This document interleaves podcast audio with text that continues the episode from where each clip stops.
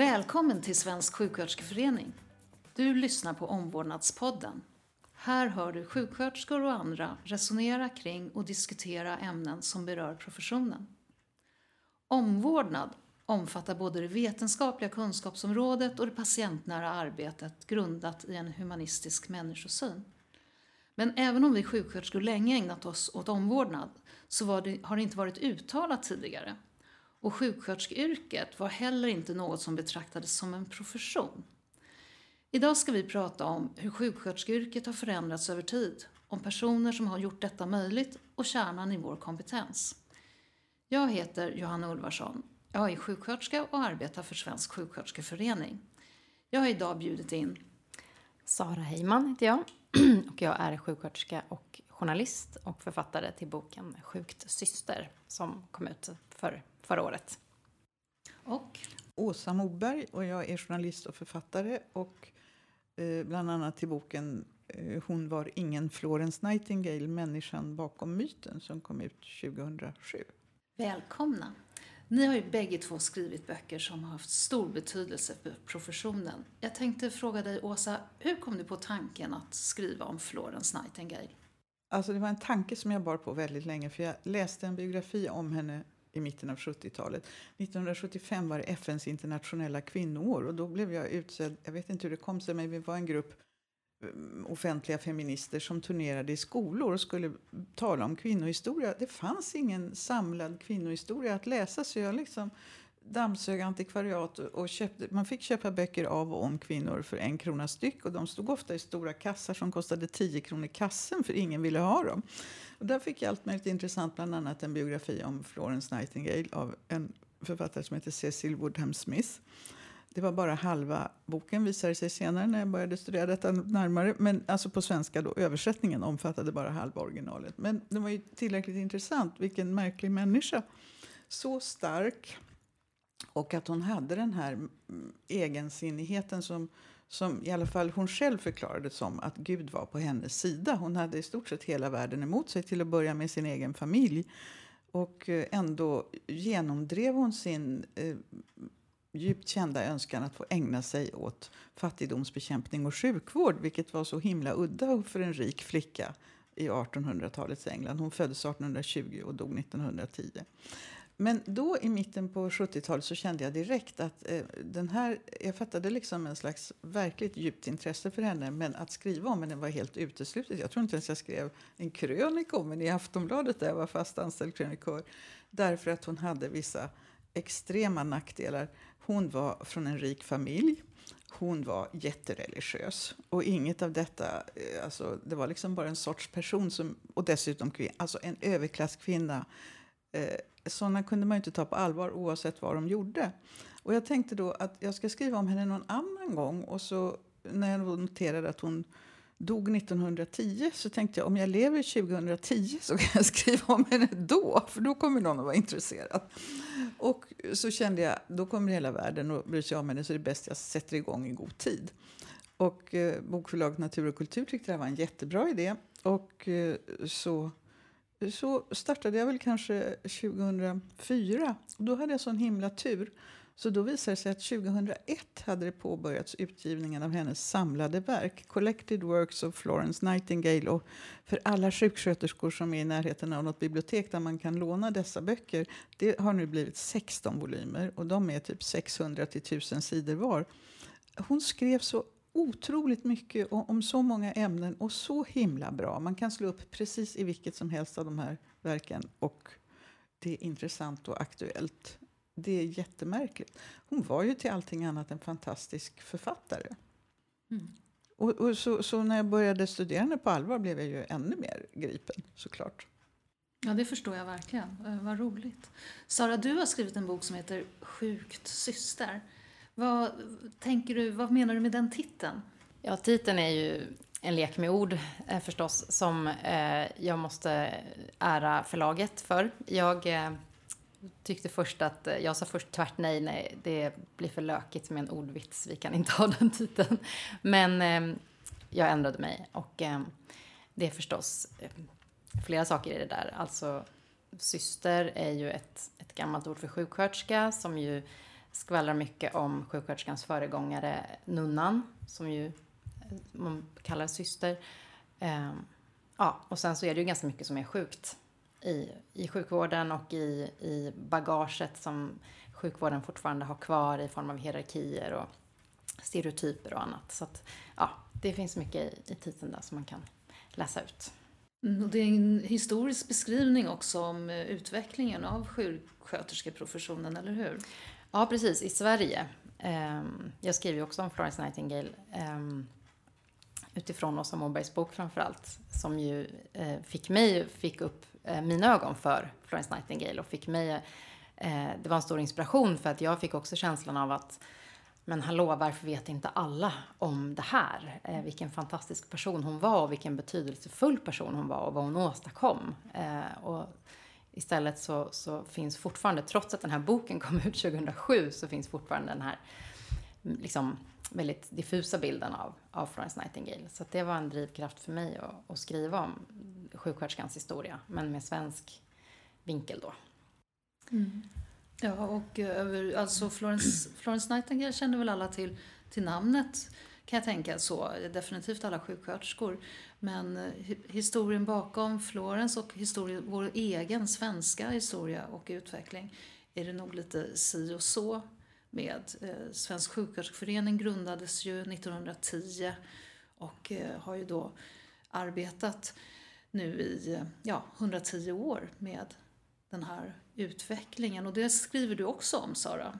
Jo, precis. Det gör jag. Eh, och eh, föreningen eh, hade ju en väldigt stor betydelse. Man får väl säga, eh, så att säga, den var ju den dominerande organisationen för sjuksköterskor i Sverige länge. Och delades ju så småningom upp i, i fackförbund och professionsförening som, som vi ser det nu då. Men det fanns ju en tid när det först var, inte egentligen den enda, men till slut kan man säga den enda riktigt viktiga organisationen för sjuksköterskor och som sen eh, ombildades till att bli ett fackförbund.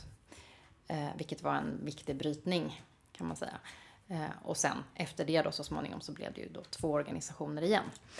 Eh, men Svensk sjuksköterskeförening hade ju oerhört stor betydelse för den tidiga sjuksköterskans status och för eh, kvaliteten i utbildningen och eh, kompetensen hos sjuksköterskan. Alltså Svensk sjuksköterskeförening slogs verkligen för eh, att det skulle vara kunskapsbaserat och att det handlade om en, en, en ordentlig utbildning och att eh, skydda yrket, alltså skydda titeln. Eh, legitimationen kom ju lite senare men att eh, det var ju, kan man säga, tack vare sjuksköterskeföreningens arbete som eh, utbildningen blev eh, statligt reglerad.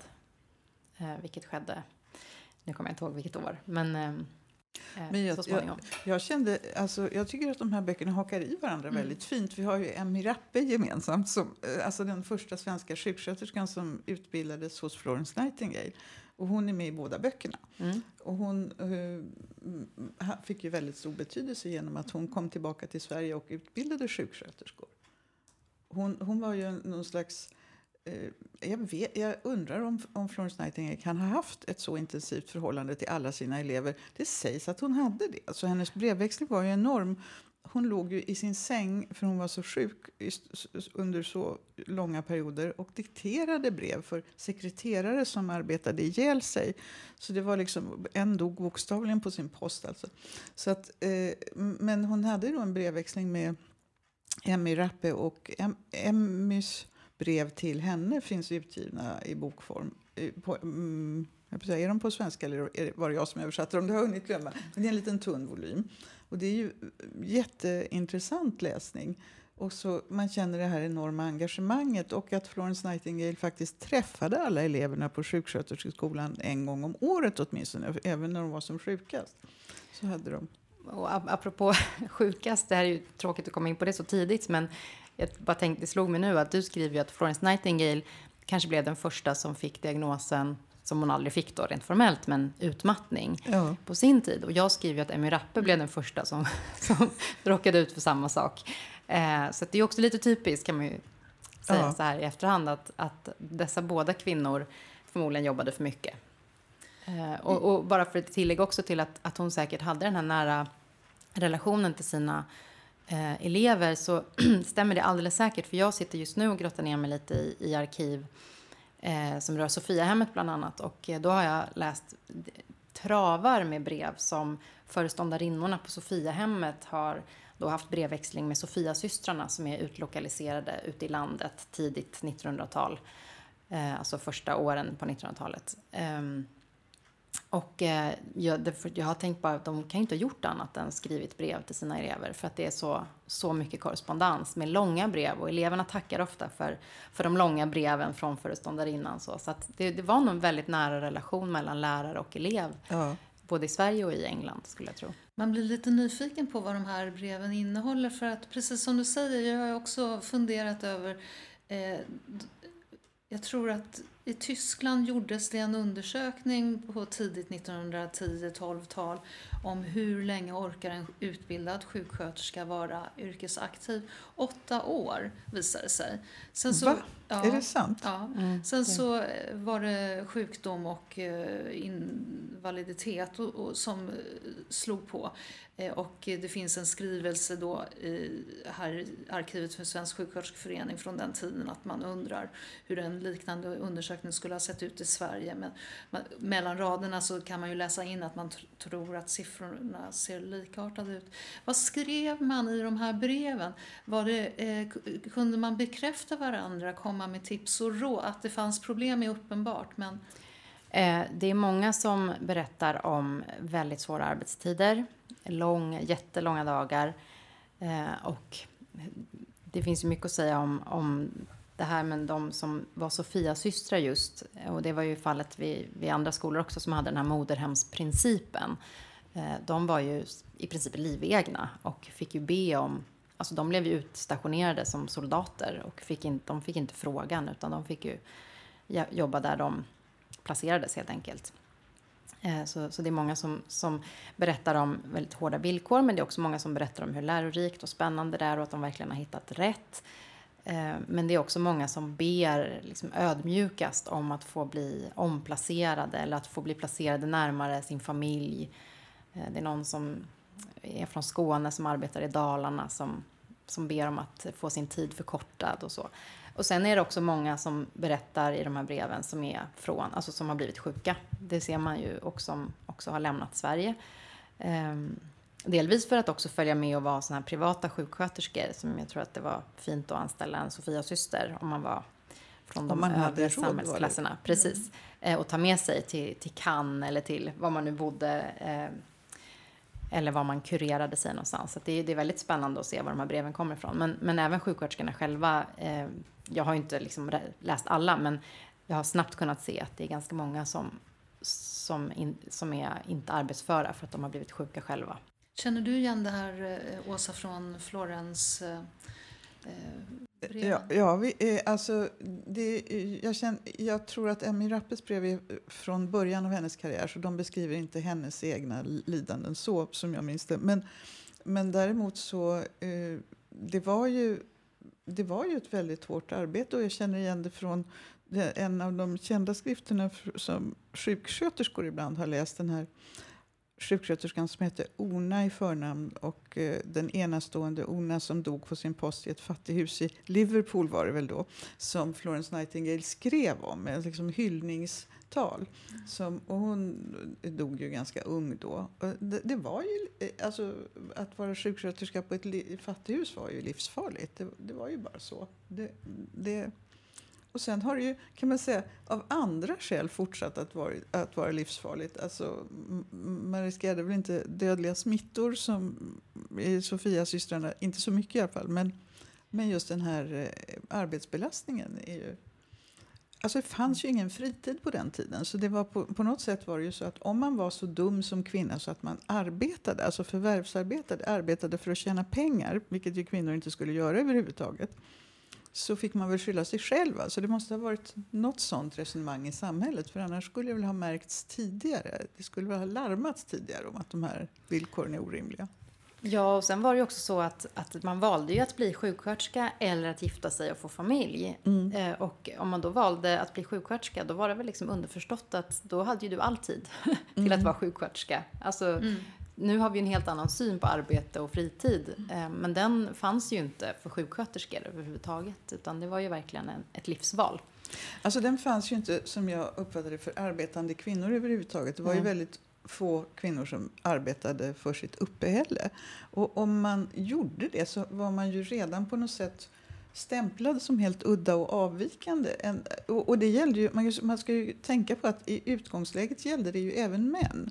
Alltså eh, förnäma människor arbetade ju aldrig för sitt uppehälle. Det var ju, behövde man göra det var man ju redan någon slags andra klassens medborgare. Nu talar jag om 1800-talet, alltså Florence Nightingale-tiden det var ju dels det här med henne att hon insisterade på att hon skulle yrkesarbeta. Men sen var det ju det som är så orättvist att hon insisterade på att man skulle ha bra betalt och att hon har blivit känd för ja, motsatsen. Det är så fruktansvärt orättvist. Ja, den hon, är ett stort missförstånd. Ja, alltså hon ville ju att hennes sjuksköterskor skulle ha samma löneläge som professorerna i Oxford. Och det fick de först också, 100 pund om året. Det är ju, och, och, de var så efterfrågade så det var inget problem. De som kunde få någon av hennes sjuksköterskor ville gärna betala. Det är ju fantastiskt. Mm. Och, och, och, där tänker jag att hon gjorde ett enormt avtryck och, och att historien sen har förvanskats. Men att det där är ju något man måste lyfta. Men hon var ju inte bara eh, eh, sjuksköterska då. Hon ägnade sig ju inte bara åt den här omvårdnad. Hon gjorde ju helt fantastiska insatser under Krimkriget. Eh, men, men hon arbetade väldigt mycket med hygienaspekter, med eh, statistik, epidemiologi och arkitektur. Vill, vill, du nämna någonting om det? Ja, alltså det, det är fantastiskt på så sätt att hon har, bland statistiker är hon ju en erkänd historisk auktoritet. Och det fattade ju inte jag förrän jag började läsa på, liksom, för det hade jag aldrig hört talas om. Så det kom ju som en glad överraskning. Och sen så anlitade jag ju en eh, sakkunnig väninna, Stojka Ristova, som är präst för att bedöma eh, det här teologiska som verkligen inte är min avdelning. Och då visade sig att hon är en väldigt framstående teolog dessutom. Och hon hade ju studerat eh, religion och religionshistoria både europeisk och väst, österländska religioner och Eh, och sen blev ju hon ju Indien-expert på en nivå som var helt osannolik. Så att liksom, när brittiska regeringen saknade något papper om Indien då efterlyste de det i hennes arkiv och då kom det alltid prompt levererat. Så här. Och, och hennes Indienarkiv upptog flera vagnslaster och så där när, när det skulle flyttas. Så att, Eh, och hon, hon, var så, eh, hon blev snabbt en internationellt erkänd statistiker. Och om hon inte hade varit så noga med att dokumentera allt i siffror som hon gjorde under Krimkriget som, då, då, hennes period där var 1854 till 56. Eh, och hon uppfann diagram för att kunna presentera det här för folk som inte förstår siffror och statistik. Så hon gjorde, alltså det kallas väl nu tårtbitsdiagrammet. Eller, och det är ju ett, en sorts diagram som sen fortfarande är i funktion i och som är väldigt begripligt. Hon kunde liksom visa vad som hade hänt under ett år tiden det hände och mängden och eh, orsakerna i, e, på en och samma bild. Och man kan säga att hon var en föregångare till Hans Rosling, eller eh, vad heter nu sonen och som är gift med mm. Anna, de som utvecklar det här bubbelsystemet. Men, men Hans Rosling och jag hade en kort mejlväxling när den här min Nightingale-bok kom. Och då kände jag att han kände sig oerhört besläktad med henne och tyckte att det var så kul att hon hade varit så aktiv och uh, att hennes metoder var så respekterade fortfarande och att hon valdes in i Royal Statistical Society i London 1860, alltså ganska kort efter att hon kom hem från Krim. Och hon var så dålig så hon kunde inte komma själv. Men hennes eh, resultat presenterades av andra. Så att, och så hade hon ju den här strålande idén eh, som läkarkåren motverkade väldigt effektivt, nämligen att man borde jämföra resultat från alla Europas sjukhus och se vilka metoder som fungerade bäst. Mm. Radikalt. ja, och det var 1860 som hon presenterade de formulären som hon tyckte att Europas sjukhus skulle fylla i för att man skulle få veta vad som fungerade. Och, och läkarkåren stod väl upp som en man och sa nej, det, gör vi aldrig, det går vi aldrig med på. De var ju, de, jag tror att läkarkåren betraktade sig själva som någon slags konstnärer. Så man kunde inte hålla på med såna larviga världsliga saker som siffror om deras förnäma arbete. Så att det tog ju till 2006 innan vi fick det här i Sverige. Öppna jämförelser. Mm. Ja, men hon var ju före sin tid med så otroligt mycket. Jag tycker det är roligt att tänka på. Alltså så brett Ja. som, där har vi en sjukhusjämförelser som vi, Mm. liksom, det är ju väldigt hett idag. eh, Såklart, som, och en självklarhet, vilket ju definitivt inte var då. Men hon hade ju också tankar om, om välfärdssamhället som ännu inte var uppfunnet överhuvudtaget när hon eh, skrev om det. Eh, och ehm, hon hade ju också, om jag inte minns fel i din bok Åsa, så eh, hade hon ju tankar om att det här med sjukhus inte var så himla fiffigt. Eh, att, att samla massa sjuka människor i ett hus.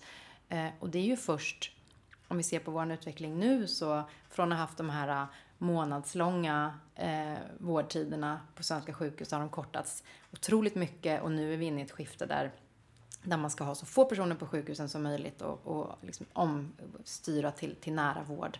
Eh, och det liksom sa ju hon sa För länge hon, sedan. Det sa hon direkt. Och, och hon, hon uppfann en sak som, är, som hon inte har fått mycket erkännande för som ju var otroligt viktig och det var distriktssjuksköterskan. Alltså, det skulle finnas en sjuksköterska som kunde komma hem till de fattiga. De, sjuk, de rika skaffade sig ju mm, vårdtjänster. Det fanns ju i princip inga utbildade vårdtjänster, vårdmänniskor annat än läkare som ofta bara trodde att de gjorde rätt men gjorde mycket fel. Men eh, de rika på något sätt klarade sig för de behövde inte gå in i de smittsamma miljöerna. Men de fattiga de hade svårt att komma åt eh, sakkunnig hjälp och då var hennes plan att man skulle utbilda ett nätverk av sjuksköterskor som skulle uppsöka fattiga människor. Det viktigaste var att de sökte upp eh, nyblivna mödrar så att barnen fick rätt mat och fick rätt vård och allt det där från början. Så det var liksom en barnavårdscentralstanke. Ja, Rinkebymodellen kallas Ja, den ju nu, i, i, som är en väldigt liksom sentida, Ja. eh, när man har tagit ännu steg längre att, att besöka nyförlösta i Exakt. sina hem. Och möta dem där de är. Eh, Med, med, måste jag bara påpeka, för det, läst, det lärde jag mig ganska nyligen, med socialtjänsten också. Att man Ja. kommer, eh, sjukvården och socialtjänsten tillsammans, hem till alla så ingen blir utpekad. ja, just det. Ja. Eh, Jag tänker att eh, eh, år 2020 har WHO utsett till sjuksköterskan och barnmorskans år. Och det är ju det år då eh, Florence Nightingale skulle ha fyllt 200 år, den 12 maj. Eh, Hon har ju fått en helt enorm genomslagskraft. Hon är ju väldigt, väldigt känd. Hur lyckades hon med det? För hon blev ju samtidigt också väldigt motarbetad. Eh, var det för hennes förnäma börd eller vad var nyckeln till att hon fick det här genomslaget? Ja, eh, du kan börja, jag har en lång rad teorier om det. Nej, jag hänvisar bara till dig. Eh, Alltså, men du ja. har ju redan pratat om det. Eh, Jag, men- jag tror att det hade, den, det hade ju med hennes förnäma börd att göra eftersom eh, Mm, hon, alltså, med den här börden följde ju möjligheten för henne att få en utbildning, alltså som hennes pappa gav henne från början. Men där ingick till exempel både matematik och språk, levande och döda språk. Det var ju väldigt ovanligt att kvinnor fick lära sig sånt. Filosofi, matematik, religionshistoria, eh, latin, gammalgrekiska och nygrekiska och franska och italienska och tyska. Och så var det så här också att familjen tillhörde en... Eh, eh, alltså den anglikanska statskyrkan i Storbritannien var väldigt konservativ. Och det var stora omskakningar i kyrkan, precis som i Sverige. Alltså det här var den tid när Frälsningsarmén föddes. Det är ganska bra att påminna om, för att man kan tänka att Frälsningsarmén var den första jag tror den första kategori av rörelse i världen som föddes jämställd. Alltså planen var att mm, män och kvinnor skulle ha samma karriärmöjligheter och samma utvecklingsmöjligheter. Det var helt unikt. Och det var många rörelser i tiden som var sådana. Dock inte arbetarrörelsen, kan vi säga, men som också föddes då, samtidigt under 1800-talet.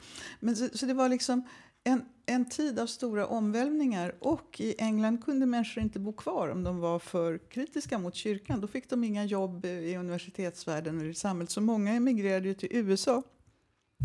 Så familjen Nightingale, och, eller till Australien. Familjen Nightingale hade eh, ett, socialt nätverk som inte var av denna världen, i alla fall inte av den gamla världen. De hade nära vänner och bekanta och släktingar över precis hela världen, antagligen inklusive Indien. Jag har inte läst det där bandet som handlar om Indien.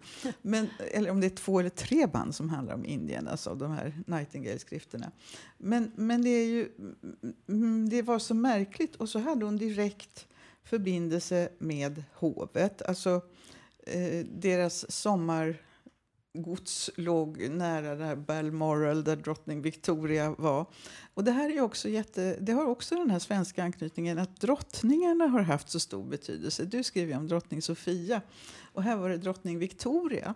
Och Victoria var ju då också en, en kvinna, hon var ju liksom respekterad i hela världen. Och Florence Nightingale hade henne på sin sida i Krimkriget. Militären försökte sabotera allt hon gjorde till en början. Men det blev ju svårare när drottning Victoria tog hennes sida. Så att, eh, man ska ju inte glömma drottningfaktorn här tror jag. Att, jag menar, hela världen är ju lite benägen att buga för kungligheter. Mm. Och sen kan man väl kasta in en, en mediefaktor också i det här. Eftersom att, som du beskriv, berättar om i boken, eh, så var Krimkriget det första kriget där det fanns krigskorrespondenter Eh, som skrev hem och berättade om Florence Nightingales arbete. Eh, vilket ju, jag menar, det som tidningarna skrev då, det, det försvann inte så mycket i något brus som nu, utan det, det gjorde ju otroligt stort avtryck såklart. Eh, och eh, det gjordes ju en spelfilm sen om henne och så, och hon blev den här eh, vita ängen som hon kallades för och så vidare. Damen med lampan. Precis. Um, Damen med lampan var ju så att säga, men jag tror att filmen hette The White Angel, tror jag. Ja, som kom så småningom. Så, så att hon, hon blev ju en medial person också. Vilket ju såklart alltid har betydelse. Uh, förutsatt att de uh, rapporterade positivt, vilket de gjorde. Uh, för att de, det var ju så uppenbart att från säker död när man blev inlagd i sjukhustältet eh, nere i krigszonen till, till att man faktiskt hade ganska stor chans att överleva. De, alltså, när hon kom till det där krigssjukhuset så var dödligheten bland soldaterna 44 procent. Och så när hon var, efter två år så var den nere i 2 procent. Mm. Och det var mindre än i den brittiska armén i fredstid. Så då, då, bes, då beslöt ju hon sig för att hennes livsmål var att få ner dödligheten i armén i, fredstid till samma nivå som hon hade lyckats med under Krimkriget. Och, och, eh, och så sätter hon igång då med hon var ju konvalescent när hon kom hem. Hon hade fått då, mm, dels säkert utmattning men också det, brucellos tror de ju nu.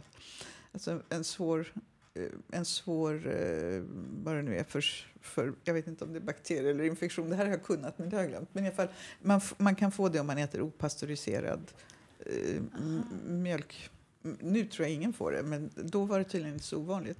Men i alla fall livshotande sjukdom, så hon kom hem i väldigt dålig form. Och sen när hon kände sig lite bättre så, så började hon resa runt hela England tillsammans med en av sina läkarvänner för att kartlägga varenda militärförläggning som fanns i landet så att man skulle kunna se vad man måste åtgärda.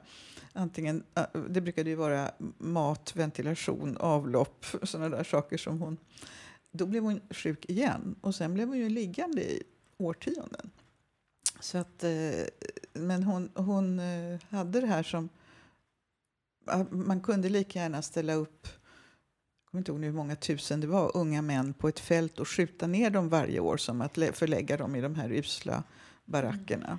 Och det gällde då även den brittiska arméns förläggningar i Indien. Så jag tror så hon kom in på det här med att hon blev Indien-expert. Och där får vi också en glimt av hennes retoriska förmåga när hon gjorde den här liknelsen. För det var väl hon själv som gjorde den? Ja. ja. Mm. Eh, om det här med att ställa upp mm. soldaterna på fältet. Ja. Och så har vi också att den här från 40 till 60 procent, eller 44 som du sa nu, till, till 2 procent. Det, det hade ju ingen vetat om hon inte själv hade kommit med den här statistiken. Nej, just det. Så den ska ju verkligen inte underskattas. Hon och så bok. Hon bokförde, hon hade med sig ett eh, så här Måste, tanken måste ha varit att hon skulle vara ett moraliskt förkläde men ett par goda vänner till hennes föräldrar som var med på, på resan till Krim och som fungerade som en slags sekreterare och assistenter och bokförde varenda krona som spenderades och varenda sak som, varenda pryl som inköptes. Så, så eh, liksom när hon måste väl på något sätt, hon hade livlig fantasi och lätt att föreställa sig hur saker skulle utvecklas. Hon måste väl ha föreställt sig den kritik hon skulle möta eftersom folket hade samlat in pengar. The Times läsare samlade in pengar som skulle kunna användas i hennes arbete. Och då var hon helt besatt av att hon skulle kunna redovisa allt som hade hänt, allt som hade gjorts för de pengarna. Det var fantastiskt. Och sen fanns det kvar skulle pengar. fler ha i ryggen. sen, sen fanns det pengar kvar, så det var de som så småningom blev grundplåten när hon startade sin Nightingale School of Nursing. Just det. 1860. Hon, hon hade ju som du har berättat Åsa eh, ett stort nätverk. Hon reste väldigt mycket, hon kunde många olika språk. Hon, re, ja, hon reste mycket innan Krimkriget men inte efter. Nej, inte efter men Mm, innan. Mm. Hon kunde eh, många olika språk och hon hade kontakt då med de sjuksköterskor hon själv hade utbildat som kom från många olika länder. Jag tänker att 1899 så grundades International Council of Nurses eh, Eh, som blev då den internationella eh, organisationen. Sara, har du några funderingar på vad den internationella organisationen då som, som ändå är då sjuksköterskeorganisationen har för betydelse? Min spontana tanke är ju att den, den startade ju väldigt tidigt för att vara en sån här organisation som, ju, som ju då också var en renodlad kvinnoorganisation för då fanns det inga manliga sjuksköterskor. Så det var ju någonting unikt. Eh, och Eh, så småningom så blev ju Svensk sjuksköterskeförening också med i ICN. Och från början, det var faktiskt också så att ICN ända från början drev mer eller mindre formellt, men så småningom tror jag helt formellt, även kampen för kvinnlig rösträtt. Så man kan ju verkligen se den föreningen på flera sätt. Och sjuksköterska har ju ända från starten varit ett internationellt yrke. Om vi bara ser på, på Krimkriget då så var det ju engelska kvinnor som åkte ner till Turkiet. Förvisso för att hjälpa engelska soldater, men eh, det finns berättelser om sjuksköterskor riktigt tidigt i Sverige. Alltså den första skolan startade ju 1860 i Sverige och eh, redan åren därefter så finns det svenska sjuksköterskor i England till exempel. Så det var ju en möjlighet, för, eller har ju sedan dess varit en möjlighet för kvinnor att se världen som man inte skulle ha på något annat vis eh, än iförd sin sjuksköterskedräkt om man var en ärbar kvinna. Man kunde säga. bli missionär. Missionär, det är mm. sant. Det, kyrkan har ju alltid mm. haft som, det har ju absolut, och det är klart man, det finns säkert andra, man kunde vara diplomathustru eller någonting så, men, men eh, det, det, har alltid haft en internationell prägel och eh, sjuksköterskeyrket är ju eh, man kan ju också, det finns ju också starka kopplingar till Röda Korsets eh, tillblivelse. Mm. Eh, han som grundade Röda Korset var ju starkt influerad av Florence Nightingale och hennes etiska syn på lidande och hur man i det fall som en, en människa lider så, så gör man inte skillnad på nationalitet eller något annat, vilken sida man strider för och så vidare, utan man ska hjälpa, eh, hjälpa oavsett. Eh, det var ju Florence Nightingales ord som, eh, som då Henri Dunant som grundade Röda Korset eh, tog med sig. Och han, för han, så att säga, han creddade också henne så småningom i, mm. i detta när han hade grundat Röda Korset. Så det har ju alltid funnits ett, en internationalitet kring yrket. Ja, och jag tänker att det kanske är en styrka. Vad tänker du, Åsa? Ja, det måste det ju vara. Jag kan inte förstå annat. Hur skulle det kunna vara något annat? Åsa, hur tänker du vilken betydelse den internationella samverkan har haft för sjuksköterskeprofessionens utveckling? Alltså, jag måste erkänna att jag har inte tänkt mycket på just den aspekten. Därför att det internationella är ju så självklart nu, i vår tid. Alltså i min, eh, ja, ska säga, särskilt för det årtionde vi lever i nu, 2010-talet och 2020-talet. Men jag tror att det har varit en jätteviktig faktor genom historien. Internationella kontakter var ovanliga. Alltså folk hade inte internationella kontakter. Det var dyrt att resa, det var svårt att, att hålla kontakten överhuvudtaget. Det var dåligt med språkkunskaper. Och att sjuksköterskor då kunde röra sig och ta med sig sitt yrke, det måste ju ha haft en enorm betydelse. Och även för det här nätverkandet som vi pratar så mycket om nu i vår tid, att det kunde ske glo globalt, för, för det gjorde det ju faktiskt. Och nu då, eh, precis som jag redan har nämnt en gång, så är ju 2020 då utsett till sjuksköterskans och och eh, barnmorskans år. Vilken betydelse tänker du Sara att det har för professionen? Ja, sådana här utlysta år eh, eller dagar är väl lite sånt som journalister generellt kanske inte eh, tar så allvarligt på. Det, det, man har ju en massa dagar och år som tillskrivs olika professioner och så. Men ehm, eh, WHO är ju inte vilken organisation som helst. Och, eh, så det de utlyser har förstås en, en större tyngd än, än liksom, kanelbullens dag, om vi ska hårdra det. um, men det som de också har tryckt på, som ICN har tryckt på i sina senaste rapporter, det är ju det, det otroligt stora behovet av sjuksköterskor och fler sjuksköterskor i världen och också den ojämlika fördelningen av sjuksköterskor sett till befolkningar i världen. Och givetvis så är det så att där de behövs mest, där finns det minst antal, eh, förenklat. Eh, så fokus på det eh, tror jag, det, det kommer bli ett ökat fokus på det och det är ju jätteviktigt om man ska uppnå globala folkhälsomål och så vidare. Mm. Vi har ju nämnt Emmy Rappe, vi har nämnt Florence Nightingale i väldigt hög grad. Jag tänkte avslutningsvis får ni nämna varsin till favorit som har haft stor betydelse för sjuksköterskeprofessionens utveckling. Vem vill börja? Du får, du får jag känner så här, här, Nu är det som att det står still i huvudet på mig. För det, det är, måste ju vara väldigt många och jag måste ha eh, jättemånga namn på lager. Men jag, eh, alltså, nu känner jag att, att detta är en sån... Det känns som jag var i 10 000 kronors frågan och håller på att missa högsta vinsten. Jag kommer inte att klara den här frågan. Eh, det, det har ju... Mm, alltså, jag tror jag skulle välja eh, en, en nu levande som, som, eh, som jag har sett i utvecklingsarbete av sjukvården som nu är på Sveriges kommuner och landsting som heter Lisbeth Löpare Johansson som är som, ut, så, alltså som liksom är en nytänkare kring hur vård ska utformas för att fungera.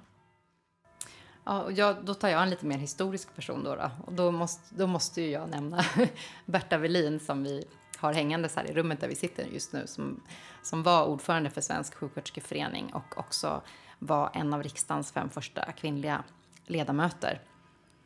Eh, och hon var väldigt mycket mer. Hon var också chefredaktör för Svensk sjukskötersketidning i två decennier och var en riktig maktfaktor får man säga i, i sjukvårds-Sverige under sin tid. Och hon hade stor betydelse eh, dels eh, för hennes syn på sjuksköterskeyrket som ett kall vilket eh, professionen har haft svårt att skaka av sig, kan man säga, eh, i de, ja, fram till idag. Eh, men också, eh, hon gjorde också otroligt stora insatser för sjuksköterskornas villkor och eh, betydelsen av kunskap och kvalitet i sjuksköterskeutbildningarna och så vidare. Så att eh, hon, eh, ja, hon var en väldigt viktig person och det finns, hur ska man säga, både positiva och negativa arv från hennes arbete. Stort tack för att ni kom hit. Jag känner mig idag ännu stoltare, om det är möjligt, över att vara sjuksköterska. Det är fantastiskt att få sitta här och eh, lyssna på hur, eh, hur utvecklingen har gått. Så tack så mycket för att ni har delat med er. Tack. tack.